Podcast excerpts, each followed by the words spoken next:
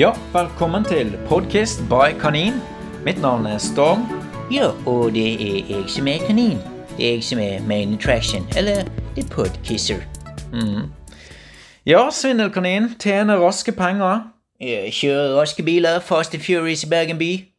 Det er vel et ukjent begrep for deg, Storm, kunne jeg se deg rundet et i dag tidlig, der du fremdeles har din Fiat Uno parkert. Ja, livet mitt går frem det òg, Kanin. Ja, kanskje i 20 km i timen. Så, hvordan går det på det der eh, kontoret nede på Narvesen, da? Å, du mener to for tre, fem for fire?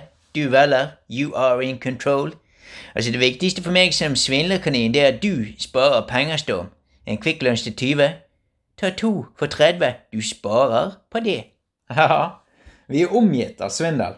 Ja, det stemmer. Som solen står opp over Torgallmenningen en vårdag, så løper også svindlerne ut fra hulene sine som små tussetroll.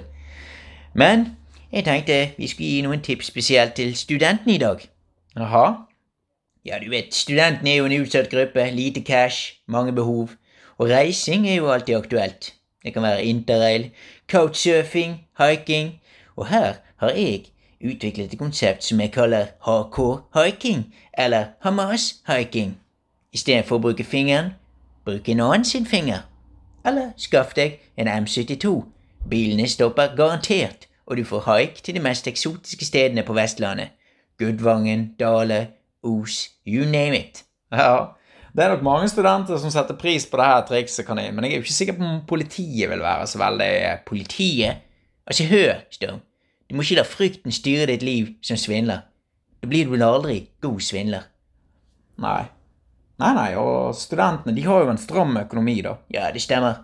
Men frelsen er her. Det er ikke uten grunn at svindlerkaninen er sendt her til jorden med sitt glade svindlerbudskap. du vet, trenger du mat i kjøleskapet, skal du bare bli kjæreste eller elsker med en arbeidsløs overvektig. Sett Nav på saken. Eller kanskje du trenger et one night stand. Hvorfor ikke bli natteran? Du møter folk med tre i promille, og de kan jeg love deg er med på det meste.